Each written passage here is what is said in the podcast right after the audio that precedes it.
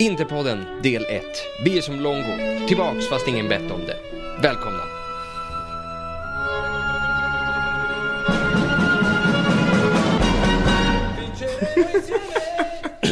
Jajamensan, vi är tillbaks. Det är första avsnittet för sommaren. Eh, vi har varit borta i eh, mer än en månad nu och eh, därför finns det ju otroligt mycket saker att prata om för det är så mycket som har hänt.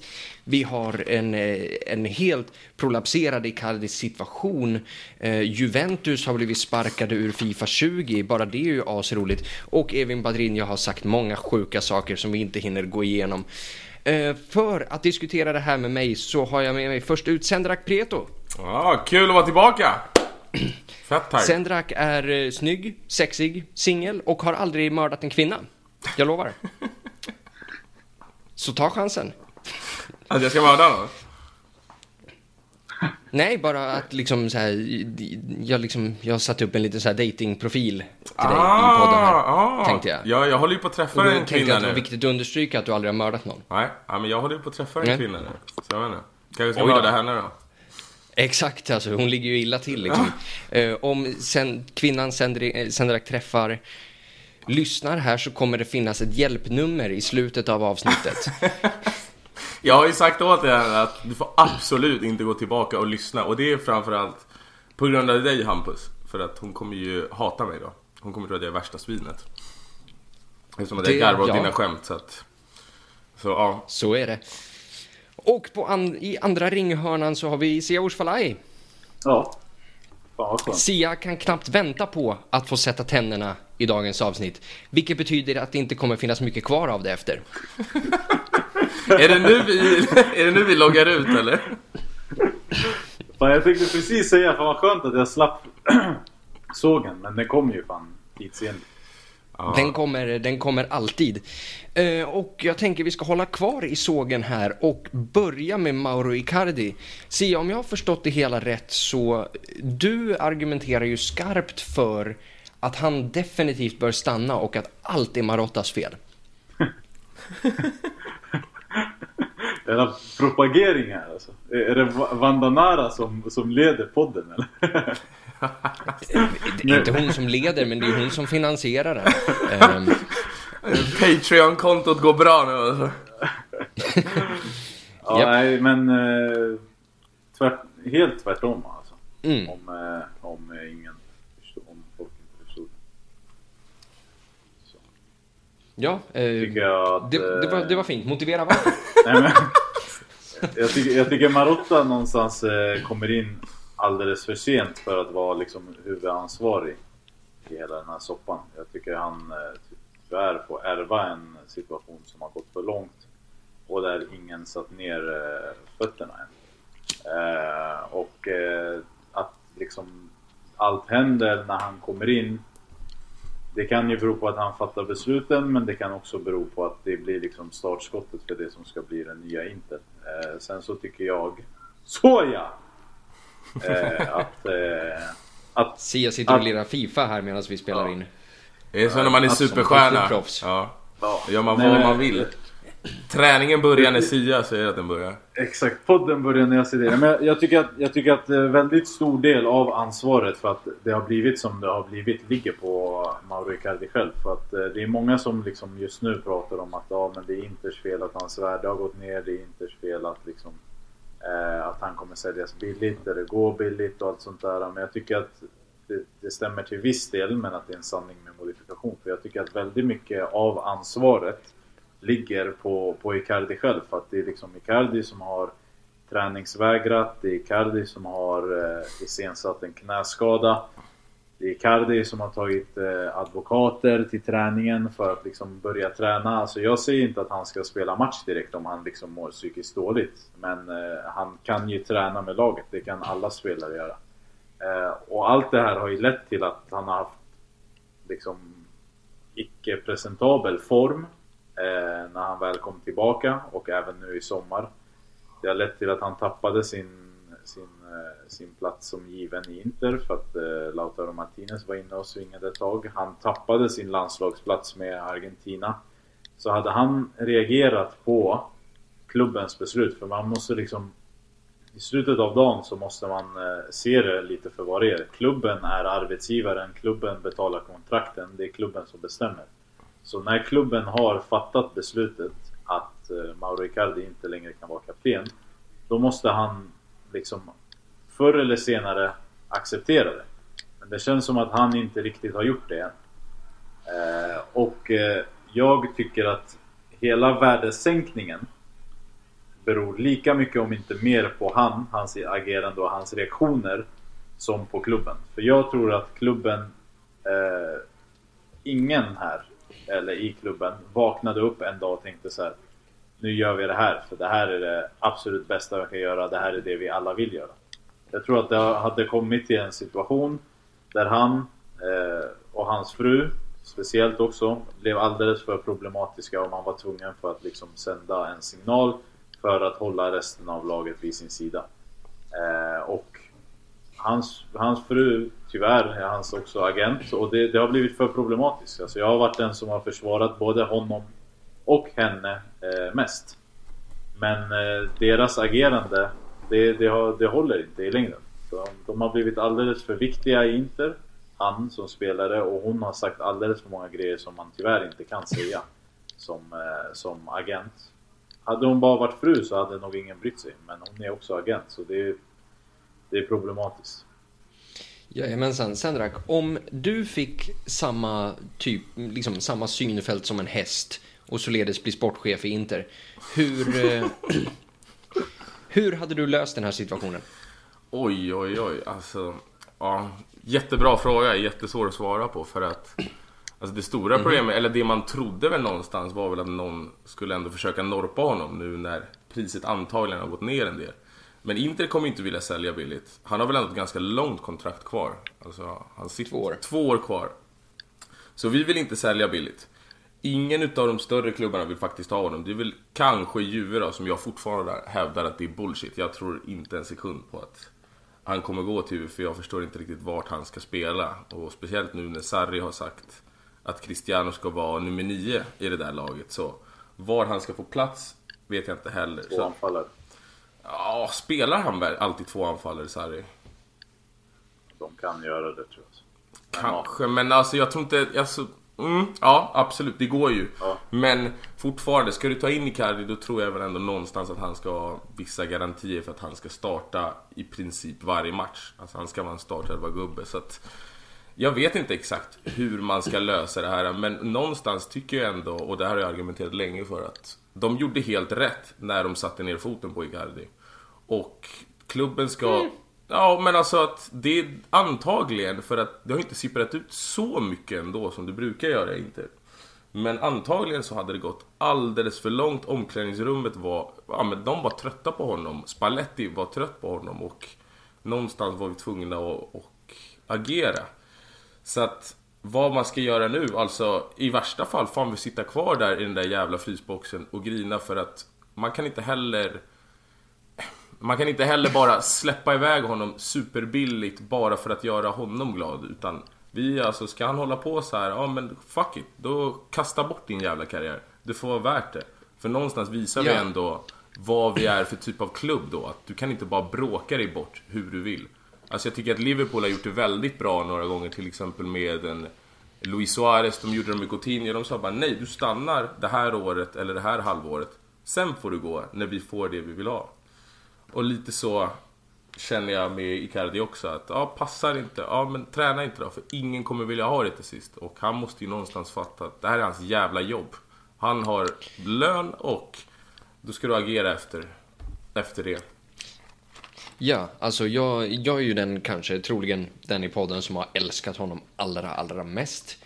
Och jag har ju helt, jag har ju helt hoppat, liksom hoppat av Icardi-båten. Eh, för den är ju på havsbotten nu. Alltså det är ju helt kört. Den är upplöst. Men då för, då för vad som har varit så säger jag låt oss, låt oss bara avsluta hans karriär.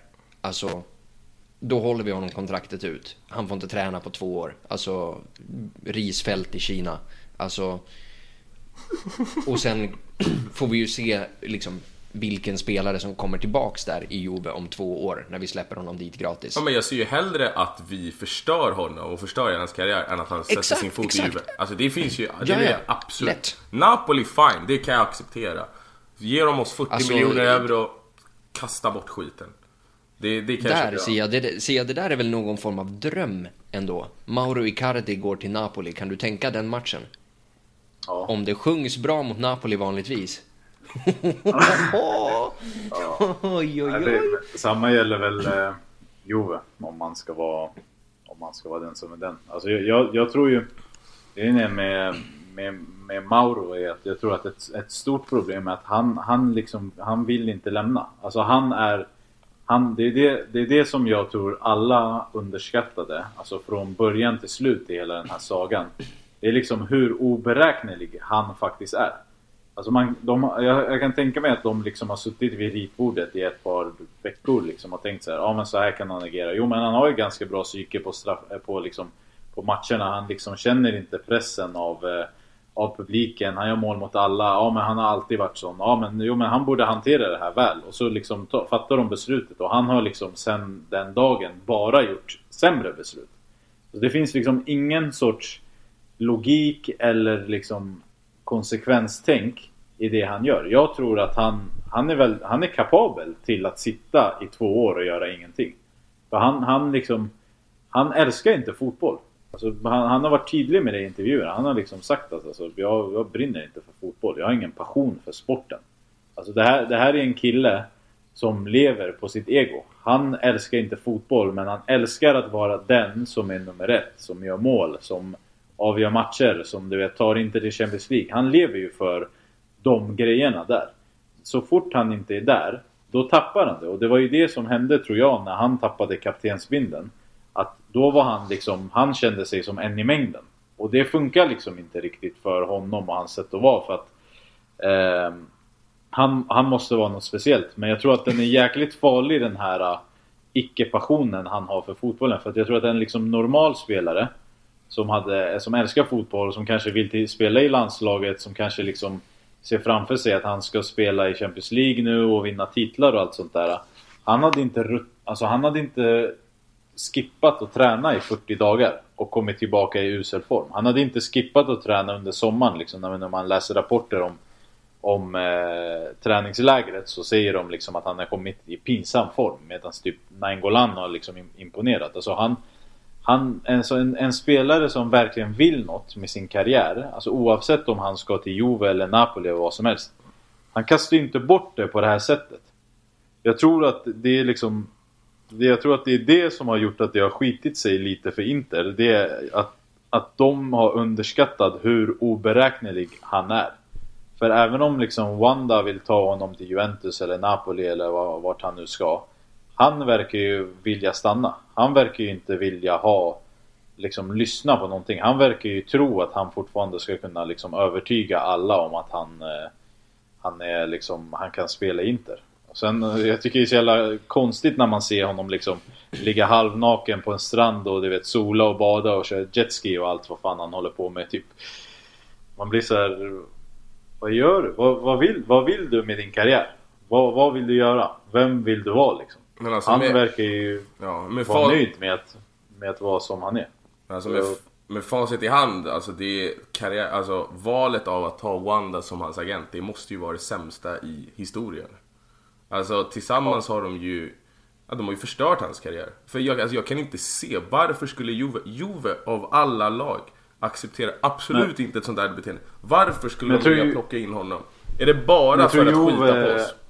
Ja exakt, alltså, jag tror Juve alltid känner att liksom, alltså om man kollar liksom på Mauro, visst han har ställt till med en del skit och hon har också gjort det. Men alltså i slutet av dagen, när det har liksom kommit till planen, alltså till att liksom träna bra, vara i tid, liksom alltså sköta sig på planen. Då, då, där finns det ju liksom, har inte funnits fram tills nu någonting att säga om Mauro. Jag tror bara att Juve, man ska liksom inte underskatta hur mycket de vill vara Bayern i Italien. Alltså de har liksom de har signat Iguain från Napoli, de har signat liksom Pjanic från Roma. De har liksom skickat Bonucci till Milan och tagit tillbaka honom hur lite som de ville. Alltså de, de gör liksom lite vad de vill men under de här Financial Fair Play-åren så har de liksom aldrig lyckats göra någonting med Inter. Och jag tror att de känner att det kanske är en liten, det är en liten svaghet som de visar när de gör, när de inte lyckas sätta Inter på plats. Så jag tror man inte ska underskatta Joves vilja att signa Inters bästa spelare i princip till ett gratispris. Alltså jag, jag tror att det för dem är en viktig signal att skicka. Sen så tror jag också att Sarri vill ju, han, alltså om man kollar på typ Conte till exempel så har inte Conte som tränare en historia av att så här, fan han tog den här anfallaren och den gjorde 35 mål. Men Sarri har ju verkligen liksom nytta av målsprutor för att hans lag skapar så jävla mycket. Jag, jag tror han hade varit bra i Napoli och med Sarri som tränare men jag tror att Juve som klubb de vill liksom skicka en signal till hela Serie A för att de är, det är så jävla standard för dem att vara bäst just nu. Och just av den anledningen så under inga omständigheter så ska vi ju släppa honom dit. Mm, men alltså om man tittar Sarri då, alltså att om man tittar de lagen och när de har varit som bäst egentligen. Alltså i Napoli, den typen av forward han använde sig av där, det var ju Mertens. En kort teknisk spelare som är mycket... Efter Iguain ja. Ja, Higuain alltså. Ja, Men de ville ju ha... De men Iguain ha var väl där, då. men Iguain var väl där när han kom? Nej, inte när Mertens var... Inte när Mertens Nej men jag menar alltså att, men, men Iguain var väl där innan Sarri kom? Ja, ja, ja, Ja. Men det var ju under Sarri som han blev som bäst. Som han då han hade exploderade. den Jo men fortfarande, jag tycker fortfarande att Iguain när han var som bäst, det är fortfarande inte samma spelartyp som Icardi. Alltså Icardi är fortfarande inte, han är inte en djupledsspelare Nej, men- på det sättet. Samma sak i Chelsea. Alltså han plockade, han tog till och med in Hazard som nummer nio flertalet gånger för att varken Giro eller Morata gav han det han ville ha. Så att, ja, och att nu Ronaldo ska troligtvis spela nio så ja, jag ser inte, jag får inte ihop det där. Jag tror bara att, jag tror att Juve mer håller på, de försöker förstöra så mycket som möjligt, precis som du säger. Men jag tror inte de har några intentioner på att faktiskt signa honom. För att han kommer vara dyr. Jag är, Alltså om du förstår. jag är ganska säker på att de vill ha honom. Alltså jag, jag tror att de har velat ha honom. hamnar där också. Ja, jag tror att han, han har, de har liksom haft lite flört he, hela tiden i princip. Och han har alltid sagt nej för att han har alltid velat liksom eh, vara i Inter och han har liksom trott på Inter. Han har varit viktig i Inter. Men jag tror att nu när det har blivit som det har blivit så tror jag att han är jäkligt sugen på, på att dra dit. Alltså jag tror att det är det enda som kan, som kan trigga hans ego. Är att gå till Juve och göra liksom Grand Slam där och liksom visa Inter att de gjorde fel. Jag, jag tror verkligen att han drivs av annat än, än fotbollsmässiga drivkrafter. Alltså han, han går igång på, på helt andra saker. Alltså. Ja, ja men då bra. Ner i källaren då. Stäng lås. Jajamensan. lås in skiten. Då är det klart. Exakt, det är det som, det är det som blir liksom Det där synd. ska jag också hade klippa ur liksom, kontext. ja, men hade, Jag hade, pratade om det här med folk. Sofia, hade om du liksom hör det här. Hade Atletico kommit med liksom 60 millar då hade man ju liksom hivat honom själv. Alltså Ja, ja. burit honom på rygg till Madrid. För då hade vi löst våra financial fair play problem också. Alltså, de är ju liksom kvar. Det spelar ingen roll att vi är ur avtalet. Vi måste ju fortfarande sälja och gå med vinst och ha liksom en bra balans. Och alltså, det är ju det som är det värsta i hela grejen med Icardi. Och det är också en sån sak som alla liksom säger att klubben är ansvarig för. Men fort, alltså, I- Icardi, liksom, det är ingen som har velat ha med han och Wanda att göra. Det, är- det, är, bara, det är bara så det är. Alltså, I Italien så kanske de uppskattar du vet lite den stilen som både Mauro och hon har. Men alltså liksom i, i Real Madrid, alltså, det, det går liksom inte. Du kan, alltså, du kan ju inte komma med liksom Wanda som säger att liksom Benzema och Sergio Ramos är skitlirare liksom. Alltså de, de kommer ju kasta ut dem med huvudet före. Det är ju därför de går på liksom Jovic som kanske egentligen är en sämre spelare.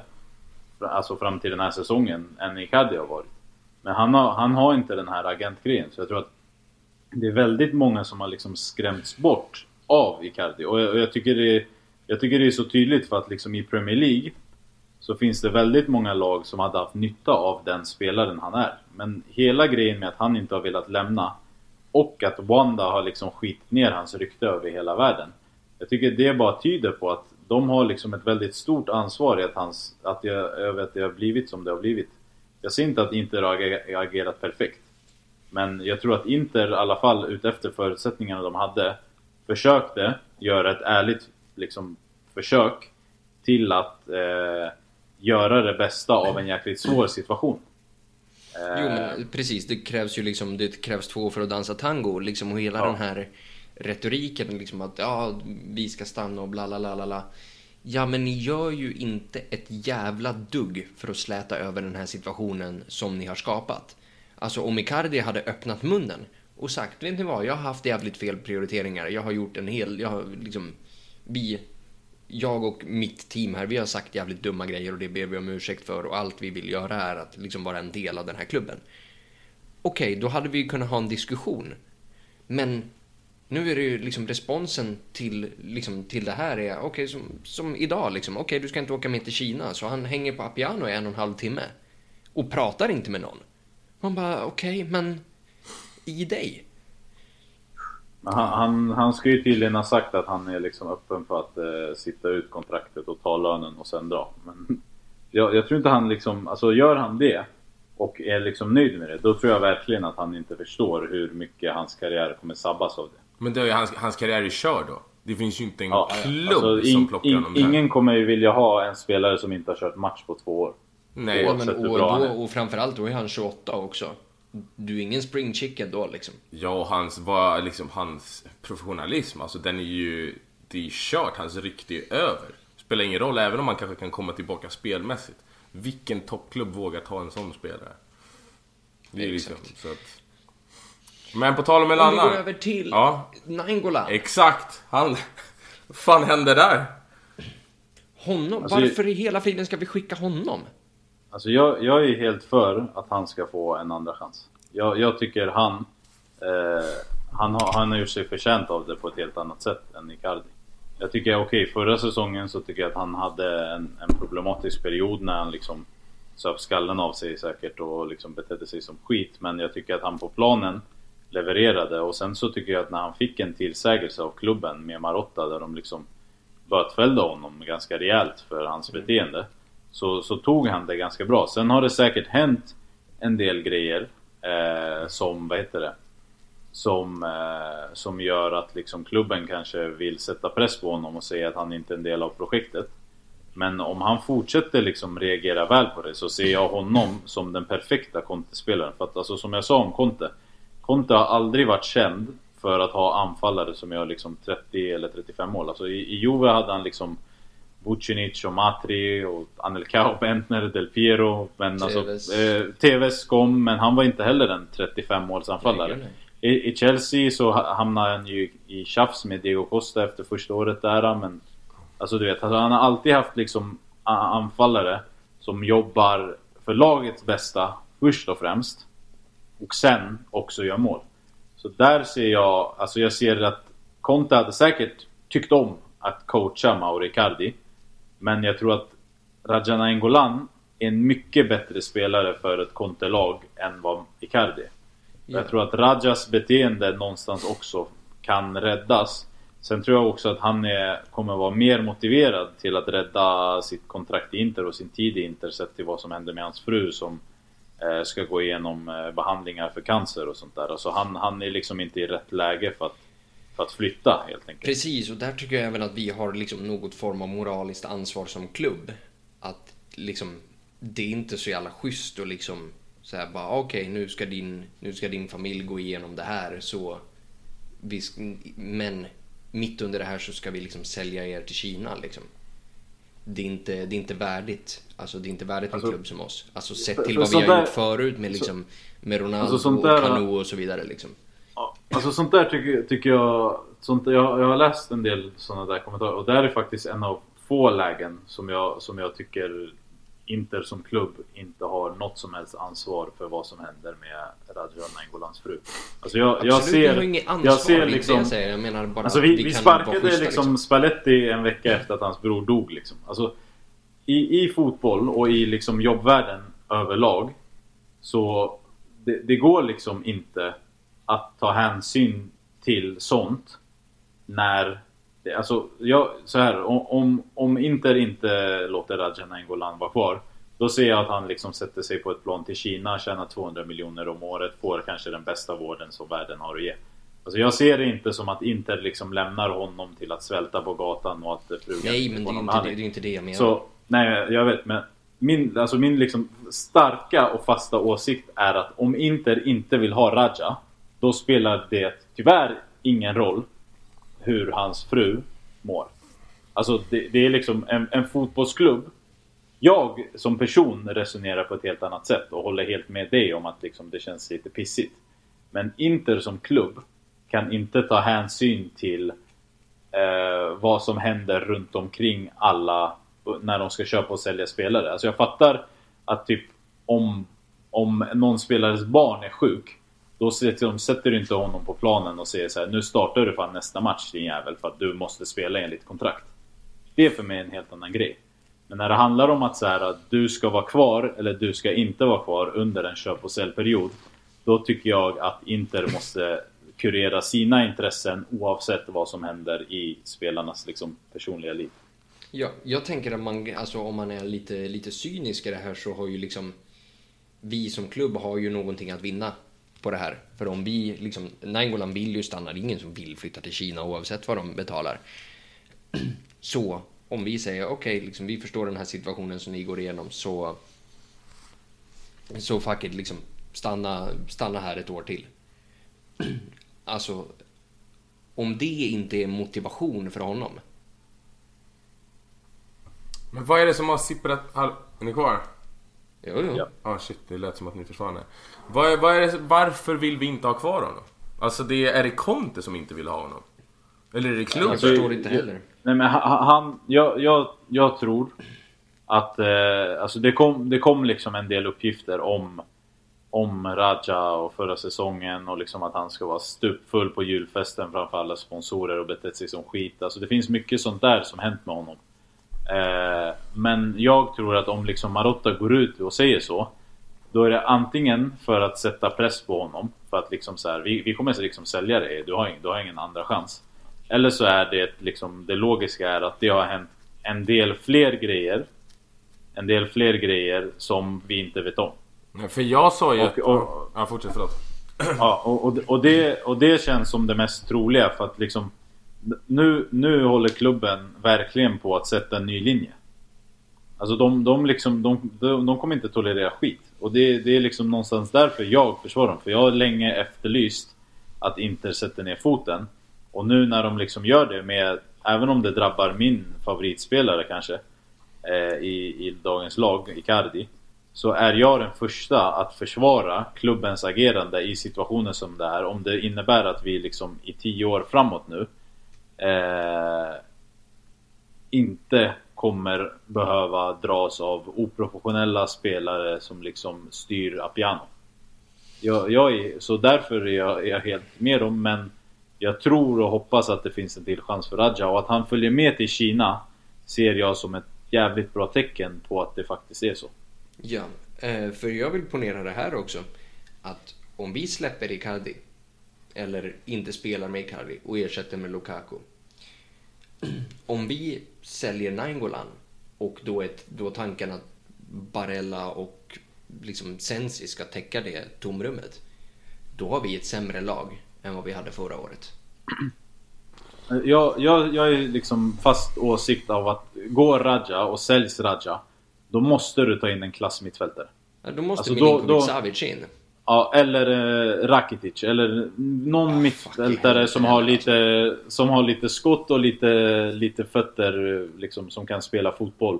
Som inte är liksom eh, en eh, uppdaterad version av Gagliardini eller en Serie A-spelare. Utan det måste komma in en, ja, Milinkovic Savic. Det måste komma in en internationell profil med bra fötter. Alltså det, det, är liksom, det är min fasta åsikt. Helst ska den profilen komma oavsett om Raja blir kvar eller inte. Men om han går, då måste det komma in en anfallare som kompletterar, äh, en mittfältare som kompletterar den delen av planen. Yes. Okej, okay, om vi går, vi går in lite grann på nyförvärven här då. Eh, vi har ju så här långt, hur många har vi? Vi har Valentino Lazzaro... Lazzaro? Lazzaro? Lazaro. Lazaro. Lazaro. Han är inte italienare. Ja, Österrike. Ett Z, ett A. Lazaro. Mm. Lazaro. Eh, jajamensan. Uh... Han ser ut som en eritreansk broder dock. En, en riktig habbers. Ja, det Det är mycket injera där borta alltså. Eh, yes, okej gud vad jag tappade bort mig där. Det är Sensi, sjukt, sjukt dröm. Lazaro. Ja, Stefano Sensi, eh, Nicolo Barella och Diego Godin så här långt då. Mm, just det. Så ja, vi kan väl... Eh, vi kan väl börja egentligen. Vi börjar med Sia där för eh, Sendrak, du har pratat så himla mycket om Godin så vi vet alla redan vad du tycker. Så Sia, har du... Eh, vi- Vi har ju liksom hyllat Godin till skyarna i den här podden. Har du samma förväntningar som oss? Att liksom... Nu jävlar. Jo men alltså det är ju Det är ju liksom en topp 3-back i Europa de senaste 10 åren som kommer in gratis. Eh, och dessutom så, så är det en mittback som kommer från spanska ligan där du möter väldigt mycket bättre spelare i en mot en situationer. Eh, för att i Spanien spelar de inte lika mycket zonförsvar som i Italien. Du spelar mer man-man. Alltså att varje, varje spelare håller sin spelare. Nu har ju han i och för sig spelat i Atletico som är duktiga på det taktiska men i Spanien överlag så är försvararna väldigt mycket mer blottade en mot en situationer än de i Italien. Och jag har sett väldigt många försvarare som kommer från La Liga skörda liksom fina resultat i Serie A eh, på grund av just den förändringen. För att du har lite fler, lite mer täckning, du har lite mer backup, det finns lite mer organisation, du kan liksom täcka upp för dina svagheter genom dina kollegor. Vi har sett Sa- Walter Samuel är, är det bästa exemplet på en liksom superflopp i Real Madrid, men han kanske är en av världens bästa mittbackar under sina år i Inter. Eh, Albiol är också en sån spelare som får mycket, har fått mycket skit, men som har gjort det jäkligt bra i Napoli. Godin tror jag kommer vara ytterligare en spelare i den raden av försvarare som kommer från spanska ligan till Serie A och gör det jävligt bra ifrån sig. Det enda som är med Godin det är att man måste liksom hålla ögonen öppna på fysiken. För han kommer från en jävligt lång säsong med Atletico. Han har spelat Copa America med Uruguay. Vi som har sett liksom hur våra argentinare och VM-kroater och allt vad det är har liksom agerat året efter en lång säsong. Vi, liksom, vi vet att det, det där det kan, det kan skita sig liksom. Eh, Så med Godin så tror jag att vi måste vara jäkligt försiktiga med hur vi hanterar honom och hur han kommer tillbaka i spel. Men det är en jäkligt skön värvning att ha för han... Jag, jag säger liksom att oav, även om han skulle vara skadad en del och inte spela så mycket Så kommer han med en liksom ett ledarskap, en mentalitet och en erfarenhet som inte, som inte finns i Inter. Visst, vi har haft liksom Miranda, men Miranda har ju någonstans blivit en del av Intersmittan liksom. Godin kommer verkligen dagsfärsk från ett europeiskt topplag och från ett lag som verkligen har haft samma situation som Inter har haft. De har haft det ekonomiskt jobbigt, de har slagit från underläge, de har haft det liksom de har haft en grym tränare på en grym arena och någonstans velat komma upp. Så jag tror att den profilen är verkligen sådana profiler som Inter måste titta efter. Och som jag sa, topp tre mittbackar i Europa senaste tio åren, ut, utan tvekan. Yes, Sendrak, Valentino Lazaro. Gud, ja. Som jag sa innan, innan vi satte igång inspelningen, jag har ingen aning. Så jag har noll koll. Aldrig sett killen spela så att... Är det någon här som har sett honom mer än en match? Två matcher Alltså- om vi räknar matchen mot Lugano. Jag har verkligen, eh, jag har verkligen noll koll på honom alltså. Ja, Jag, också. jag, jag, jag snackade med några av mina tyska Eurosport-kollegor och frågade liksom Ja, vad säger de Är han bra den här killen? De säger väl att det, det är en okej lirare liksom. Alltså det, är- när man ser, jag tycker man ser det väldigt snabbt på honom att det är en spelare som är... Han är snabb, han har, han, han har bra teknik. Det känns som att han kan utvecklas jäkligt mycket men alltså det, det kommer ju säkert behövas en säsong innan han kan visa Och vad han kan. ska vara höger wingback då? Det är väl tanken? Ja. Precis. Alltså jag, tänk, jag ser ju liksom hans intåg, jag ser ju bara liksom det Conte gjorde med, med Quadrado. Eller Victor Moses. Om något. Ja. Där var Eller ju... Ja men Moses tycker jag fan var nog den mest imponerande. En sopa. Ja, men han, han var ju liksom anfallare, han var ju ytter. Han var ju höger ytter ja. Han var ju Ja. råoffensiv och sen plötsligt hade du ett ångerlok på den där kanten. Ja. Det året de vann. Så det är väl det man får hoppas säga på. La, Lazaro där, han har ju 11 assist i Bundesliga förra året. Mm. Men spelet böljar Alltså, ju mycket det- mer i Bundesliga också. Så det är mycket mer offensivt balanserat. Du möter inte lika organiserade lag i Tyskland. Så att, Sure, sure. Bättre- det var ingen, bättre ingen spelare. som hade 11 assist förra året tror jag. Så. Men, men det, är alltså, det är ju samma med liksom Politano. När han spelar i Sassuolo, då får ju han liksom spela på kontring mot liksom öppna försvar. Exakt. Sen kommer de ju till Inter och möter liksom stängda försvar. Alltså, det är, alltså, jag, jag är, en, jag är liksom väldigt öppen med att jag tycker Serie A är liksom av de fem stora ligorna så kanske bara franska ligan är sämre. Men kvaliteten på Serie A-spelarna, den är ju sämre än någonsin. Alltså det finns så många dåliga fotbollsspelare. Men det de har då är den här organisationen där de liksom dödar fotbollen och man får sina potatisåkrar som man blir jäkligt less på. Och där är det jäkligt svårt att liksom om du inte är totalt överlägsen som Juve eller Napoli eller om du inte har de här liksom enskilda spelarna som är jäkligt duktiga att komma upp i liksom 11 assist. Eh, så jag, jag gillar ju att vi har tagit in en spelare som verkar vara poängspelare och som har stor utvecklingspotential. Men jag tror liksom att han, det bästa av honom, det kommer kanske komma efter nyår som tidigast. Mm, framförallt att han har lite snabbhet också, för det känns... Ja. Alltså om det är något vi har saknat de senaste åren, det är fart och det är ett fungerande passningsspel. Alltså det där vi sätter spelare i fart, vi sätter spelare rättvända. Och det kanske man kan Och en jävel som kan slå frisparkar. Alltså. Ja, det är absolut. Det är, också, det är mycket vi har saknat. Men framförallt... Hörnor, alltså. Men det är nog det som har varit problemet med vårt lag. Att vi har ju haft så jäkla svårt att luckra upp de här jävla skräplagen. Men det är för att vi har träben ja. som Vesino, vi har Gagliardini. Vi har i princip bara Brozovic som kan sätta en passning på en touch. Och ja. tar... Hur många avgörande passningar i djupled sista tredjedelen slår Brozovic? Inte många. Kan, ja, kanske två på hela säsongen. Ja, och det är det som är problemet. Alltså, det är det jag säger. Vi saknar ju fortfarande. Tänk dig alltså, Napoli. De har ju inte bättre spel än vad vi har haft de senaste åren. Men med Sarri så har de ju fått det att fungera. Alltså de här, de här Zielinski och Insigne och Milik och Cajon och de här. De, de, jag tycker inte heller de är så jäkla bra men de, de kan luckra upp ett men jag tror också att för att det sätts en struktur, det sätts, ett, det sätts en organisation ja, ja. alltså. Att det finns en tanke bakom spelet och det gör också att de... Då passar, alltså alla, ja, det finns tydliga roller för allihop. I Inter är det så här, det har varit mycket med just Icardi att ge bollen till honom i straffområdet så hoppas vi på det bästa. Alltså det är ja. sällan man har sett ett flytande spel en hel match utan vi dippar väldigt mycket, vi är väldigt ojämna i vårt spel. Så det kan... Yes.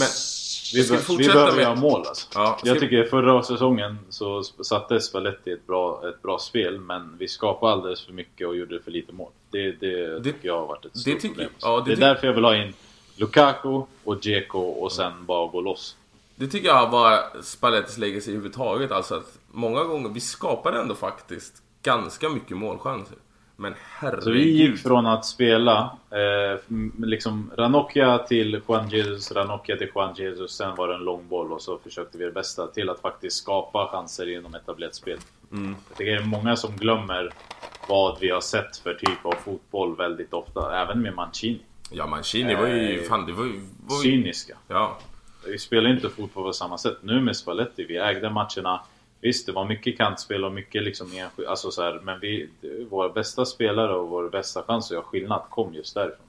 Mm. Nu hoppas jag ju väldigt mycket på att liksom Lautaro Martinez har etablerat sig och kommer kunna vara ett centralt hot. För vi behöver en spelare där som dribblar bort en spelare och tar ett skott. Och, vi, har inte haft det. Icardi är inte så. Nej, och kan gå i djupled. Nej. Det tycker jag vi har saknat otroligt mycket. För det har också gjort att vi har behövt förlita oss väldigt mycket på ett inläggsspel. Eftersom att Icardi hotar inte så mycket bakom backlinjen.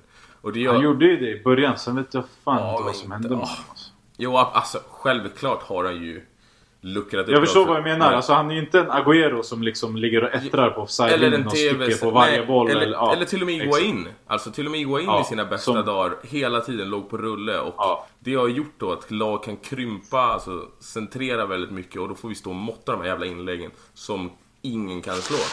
Det får man ju hoppas att nej. den här Lazaro. Alltså... Jag är jäkligt rädd för att, för att Kandreva kommer bli liksom så här, För att vi har köpt, köpt La, Lazaro för att liksom sen Kandreva ska vara wingbacken där. Alltså, Nej. jag är fan, jag är, alltså jag är på, jag är på riktigt, på riktigt eh, skraj över den grejen alltså. För att jag såg liksom startelvan där och så var det Kandreva. Jag bara, jo, jo. nej alltså jag, jag har inte gett min själ för detta lag för att uppleva det. Alltså jag, jag, liksom, jag vill inte vara den som säger att Kandreva kommer vara skit under Conte för att om Conte vill ha kvar honom, då ser han ett värde i att ha honom. Men alltså ärligt talat, vi, vi kan inte värva spelare för 25 millar och sen starta med Antonio Candreva över dem. Det, det går, principiellt går det liksom. Jag, jag har glömt Albert eller? Du, vet du hur det kommer vara? Så här kommer det vara. Kandreva, alltså Lazaro kommer få två matcher, var skräp. Sen kommer Kandreva få hösten ut och sen kommer Danilo tillbaka. Den jävla överlevaren kommer ha den där högerkanten. Alltså, men Danilo är bra på riktigt. Alltså jag, men han är ingen wingback. Han är ingen wingback. Han, han är ingen nej, wingback. Han, han, är en mittback kanske, men alltså han, han, han är fan bra. Alltså. Danilo... Jag, jag tycker alla, alla som lyssnar på det här måste vara överens. Jag, jag sätter ner min liksom bästa Kim Jong-Un nu och säger att alla måste fan acceptera att Danilo D'Ambrosio är jävligt mycket bättre än 90% tycker. För han gör fan jobbet, han gör avgörande mål och han gör fucking räddningar på mållinjen när det behövs som mest. Alltså det är inte många försvarare som gör de där räddningarna. Den mot Milan, den mot Empoli. Alltså han ska ha en staty alltså. Det är låga ja, krav på statyerna. Alltså, han, har, han har ju gått från klarhet till klarhet, framförallt de senaste två, tre åren. Han var ju topp tre förra säsongen. Det var han ju. Det var väl han, ja. Det var han, Handanovic och typ... Ja, fan vet jag. Det Asamoah. Asamoah, men Asamoah hade en sån jävla dipp där. Alltså innan vi fortsätter på, eller vi kanske kan ta det sen, men alltså själva lagbygget för där har jag jag har många frågetecken där om vi ska kunna spela Jajamensan, och vi har många frågetecken från våra kära lyssnare här på, på just den grejen också. Så vi kommer ju, vi, tro mig, en... vi kommer gå igenom massor med sådana fina saker. Ja. Men eh, Sandra, vi fortsätter, eh, vi fortsätter på dig där eh, med nästa nyförvärv. Eh, det har ju, man har ju sett på Twitter och så här nu när eh, Juve har köpt Delicht att med så här If you can't beat them, buy them. Och vi har ju lite samma filosofi med Sassuolo vad det verkar. Så Stefano Sensi Ja, det. Det räckte inte med Politano. Nej, exakt. Precis, det räckte inte med Politano. Vi fick ju stryk ändå liksom. Vi hoppas på ett eh, Liverpool-projekt alla Southampton. De köpte ju alla de spelarna och så vann de Champions League. Kanske det vi ska göra. Eh, samma sak här. Ja, jag har ju... Sålde jag... 80% av dem förvisso. Men... och sen ja, väl, vissa, men, men det är okej. Okay. Vissa, är, vissa är... Skitsamma. Jag, igen, jag har för dålig koll. Jag har... Jag kan inte ens minnas att jag såg Sensi spela mot oss. Vet, han är inne i mitt fältare va? Jo. Ja. Och ja, that, that's it. Jag såg att han gjorde ett långskottsmål här uh, i någon jo, det träningsmatch. Var ett mål. Ja. ja. Men han hade ju fan sju sekunder på sig. Ja, exakt. Alltså, det, är det, alltså, det... Alltså, jag, jag, jag, det gjorde mig glad att se det där målet. Men när man, när man ser att han liksom har tid att ta emot, vända upp, sikta och skjuta. Då är det så här, Då, då, tyvärr för alla som är glä, döda glädjen hos nu. Men jag, jag får inte upp mitt hopp på grund av det där. Nej. Sorry. Alltså jag, jag har ju sett Cristiano Zanetti, kommer du ihåg han? Och bomba ja, in ja. långskott efter långskott på interträningar. Det var såhär wow, den här jäveln kan ju skjuta men han sköt ju inte ett skott sen under match. Det är ju för att han jo, aldrig fick tiden. Vi, vi, vi, vi, och alla Milanos fåglar minns Freddy Guarin också liksom. Ja, vi alla så... såg Youtube-videon där han bara sköt hål i nätet i Porto ja, liksom. Så jag vet inte. Sensi, alltså vi har ju varit inne på det här många gånger men italienare från ett ah, lag på... Eller lag i mitten. Det, det, det blir sällan bra för oss. Alltså vi, det, vi har väl inte gått rätt en enda gång känns det som de senaste tio åren. Det är typ Danilo. Alltså jag tycker att alltså, principiellt att italienare är sopor så... Ja exakt. Ja, alltså jag, jag, skrev ju typ inför säsongen så här. Vi, vi, vi ska inte värva italienska spelare liksom. Det, det, det, är Barella man ska ha och sen som så värst Kesa. Men nu ska vi liksom spela 3-5-2. Då har han ingen plats i laget. Men jag tror, jag tror Sensi, alltså sett till priset han kommit för, för att vi liksom hivar en Primavera-spelare för, för en uppblåst värdering. Och att han kommer in med liksom han, han har ganska bra fötter och han spelar liksom fotboll och han springer ganska mycket. Så det, det är en ganska intressant spelartyp vi får in. Men jag tror att det man liksom måste kolla på överlag det är, att, det är väldigt viktigt för Conte verkar som att ha ett liksom block med italienska spelare. Alltså han har nu Barella, Sensi, Candreva, Danilo, Ranocchia. Ranocchia. Eh, alltså det, det är liksom Inter har fler italienare än någonsin. Och det är många av dem som säkert kommer starta. Och det tror jag inte är en slump. För att Conte, för honom är det viktigt att han får tre eller fyra nya spelare som är italienska eller som kommer från Serie A. Som liksom vet vad det handlar om och som kan liksom vara hans gubbar. Det är bara att kolla på liksom Marcos Alonso till exempel i Chelsea liksom. Efter att Conte lämnat, vad har hänt? Alltså jag tycker det där är en grymt fin spelare. Jag hade gärna haft honom i Inter. Men det är det som också är ett problem med Conte. För han tar in de här spelarna som kommer vara skitbra under honom. Som kommer vara viktiga för honom.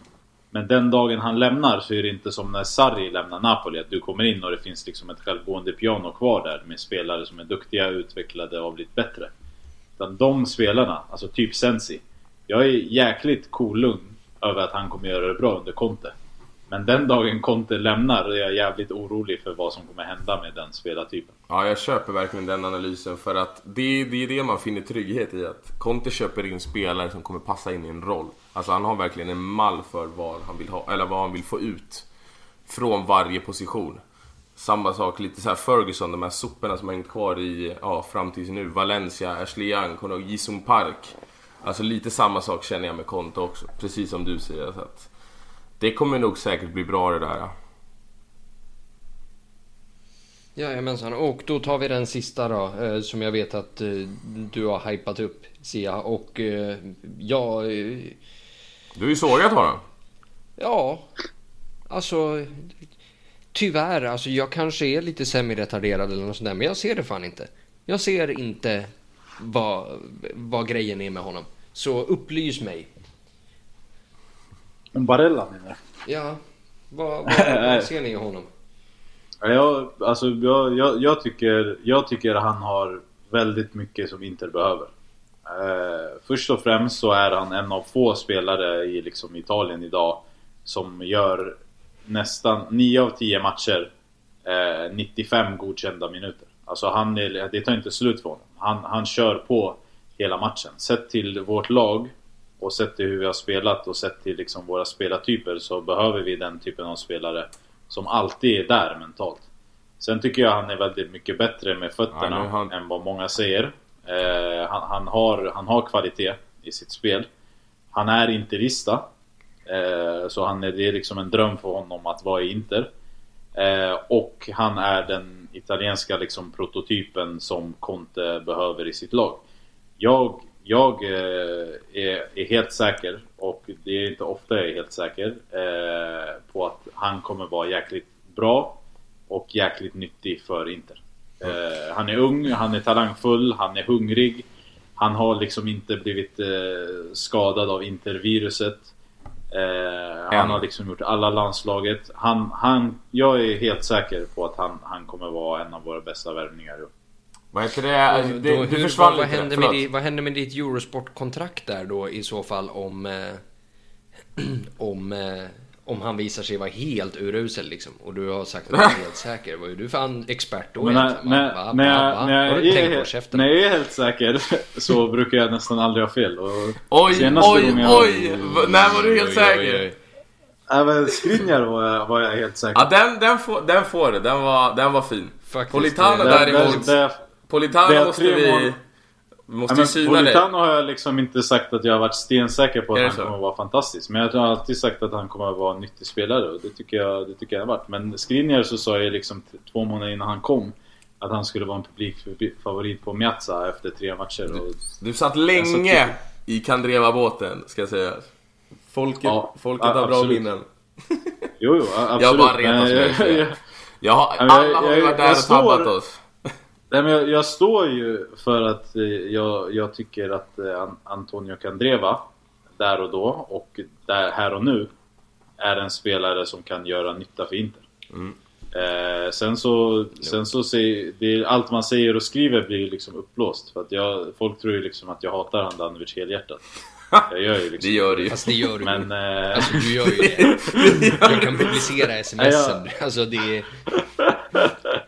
Jävla Ja, coola jag- Hampus alltså. Så, så jag, är- jag, är i alla fall, jag är säker på Barella, så jag vet inte om jag har sagt när jag senast var, var säker. Men, Ja. eh, Vi alla, vi alla har tabbat oss där. Jag hävdade ju, jag kommer när du och jag diskuterade, kommer du ihåg Palacio och Zarate?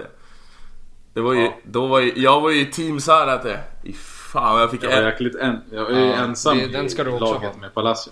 Ja, så det... Det Ja. finns jäkligt många jag ska, om ni vill börja räkna så kan vi sitta här i fyra dagar till.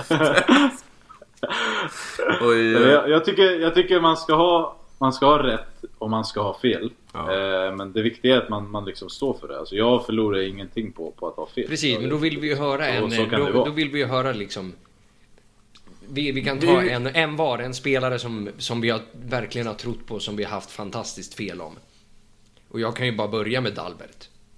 Ja, men alltså typ Kuzmanovic tänkte man var, var liksom var liksom bättre än han var. Alltså, men det var ju någonstans för att vi var så jävla dåliga då så att varje person som kunde passa en bredsida kändes ju som Messi på oss där och då. Liksom. Det är också väldigt ofta om, om kontexten. Eh, och det är lite samma med, med Dalbert där man liksom tänker att äntligen får vi in en liksom tekniskt duktig vänsterback. Men jag var ju på hans första match i Lecce när jag var på semester i Italien. Så skrev jag liksom, fan den här Dalbert, han kan inte försvara bättre än mina liksom pojkar 10 som jag coachade. Och då var det folk som skrev till mig, "Ja, han hade bäst statistik i Frankrike och jag Men var såhär, han jo men han, han liksom det också." vände sig när... Jo men han vände sig, han vände ryggen till när någon måtte ett inlägg. Det är liksom... Sendrak står och lär ut det 10 gånger om dagen till sina kids liksom. Ni får fan inte vända er när någon måtte ett inlägg. Då kanske han bara går förbi er. Ja, nej, nej. Alltså, jag, ja, jag, jag var helt lite- med det där. Jag tycker, jag jag tycker på riktigt, alltså... Jag tycker på riktigt att han är nog fan den sämsta jävla spelaren vi har haft. Från trippen och framåt. Men alltså han, jag tycker Dalbert, jag ser liksom det man har sett i honom. Han är snabb, han har ganska bra fot, men alltså han är inte där mentalt. Alltså de 20 minuterna han gjorde mot Empoli. Alltså, Det, var- det, var bland det, det var bland det sjukaste jag sett. Alltså det borde göras en compilation på de 20 minuterna med rubriken Så här försvarar man inte liksom. Ja nej men alltså bara- det, han- det, han han, gick är ju, och så alltså, bara det är ju, det är han. Dambrosius tår som är emellan att han rånar oss på Champions League. För han, det är ju han som går upp, tappar bollen på mitten och inte jobbar tillbaks. Ja och sen inte... Nej och inte tar en position. Han ställer sig bara på måfå och liksom täcker inte. Och första målet kommer ju också från hans kant. Mm. Eh, så... Nej, jag, men eh, det finns, det finns säkert en del som man har haft. Kovacic tänker jag på. Fan, han hade man ju höga förhoppningar. Jag sa att det var nästa Iniesta. När jag såg han. Okej, ja det var ju lite... Jo, men alltså. Men han var inte, alltså grejen är så här, det, det är så, för mig är det svårt att säga Okej, du hade fel. För du såg liksom säkert någonting i den spelare som påminde om Iniesta. Och han har haft en helt okej karriär. Men jag tycker varken han har varit en flopp eller så bra som många tyckte. Jag tyckte han var överskattad tyvärr. Liksom. Nej men jag tyckte Men det att... betyder inte att jag hade rätt. Nej men jag, fel jag och bara rätt. Jag tänker att det andra såg. det är mina förväntningar. Vad jag förväntade mig av honom så har jag ju haft fel. Ganska Ja, men jag, solklart. jag var ju jäkligt svag för Ricky Alvarez. Alltså jävlar vad jag var svag för honom. Alltså, jag, jag tyckte verkligen om den spelaren. Där såg jag Eh, ingenting. Nej, inte jag heller. Sopa alltså. Ja, Nej, där- såg Folk är ingenting. fortfarande, såg jag folk, folk hypar fortfarande honom. Fan vad fin han var. Vilken jävla slöfock. Aldrig sett någon trampa så mycket vatten som Ricky Alvarez. Det är ju han och Nej, Källström typ. Ja, Patrik Vera, Källström, Pastore. Där har vi någon som trampar vatten. Ja. Det är tungt. Jag gillade Rick, Ricky alltså. Ja. Taider, Ja, kommer ni ihåg honom? Taider, Taider Vilken- skrev jag ju en riktigt lång liksom, hyllningskrönika till när han kom. Jag skrev liksom att så här, han har ingen rädsla och det Vi- där Okej, jävla nu, nu när vi pratar om hyllningskrönikor, nu kan vi ta det här. Det här tror jag inte att jag har nämnt förut. Eh, långt, långt, långt bak i tiden, liksom när, när jag lärde känna Sia, så gjorde jag ett litet arbetsprov för, för FCIM, som, eh, som det hette då. Eh, Och då skrev jag att Juraj Kutska var den perfekta och naturliga ersättaren till Stankovic. Den, eh, den, är fan, den är fan svårslagen alltså. Ja. Han, han, han ägde ju vi för jäkla massa pengar. Jag tror att vi köpte hans halva för så här 15 miljoner Ja. euro. Just det, han var ju... Det var, ju det var en bra, det var en bra summa pengar. en modern tvåvägsspelare. Var han inte det som han Alltså, såg som? Jo, och, och det, det som är intressant är att jag tror att Genoa fick tillbaka den halvan mot att vi fick tillbaka Samuel Longo. Alltså, Samuel Long, jag, jag, jag, jag, kan ha, jag kan ha helt fel, men jag tror att de, eh, de affärerna... Ja, exakt. F, så här, Sempre Inter 2012. Longo ägs nu helt och hållet av Inter. Kutska går åt andra hållet. Alltså, det är där, tror jag. Han, han är ju liksom i, i samband med det där, eller något år efter. Eh, liksom skrivit på ett femårs eller sjuårskontrakt liksom. Alltså som man har än idag. Det är helt jävla sjukt. Ja, lång ja. Fantastiskt. Hörni, jag tycker vi går på lite frågor och så liksom kommer vi in på det här med liksom så här lagbygget. Jag tycker ha, ja, lagbygge, för det, där, har jag, där har jag många frågor. Som vi måste besvara.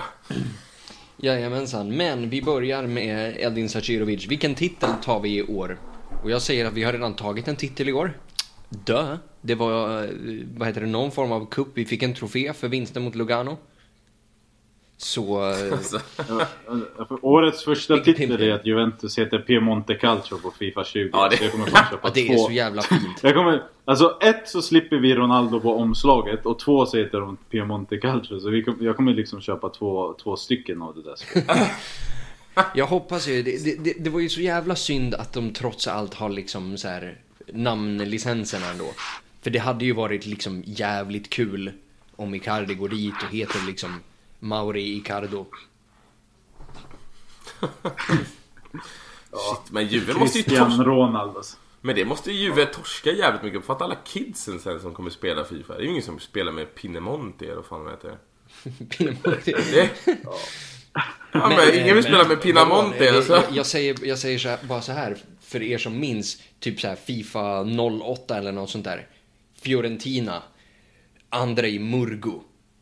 Det var fan en Ja, jävla just spelare alltså. Va, varför Men jag varför minns ni han? Jag, jag, vem är det här? Nej, Ja, men det är för att han, det är han Adri, det är åkte ju den här kokaingrejen. ju.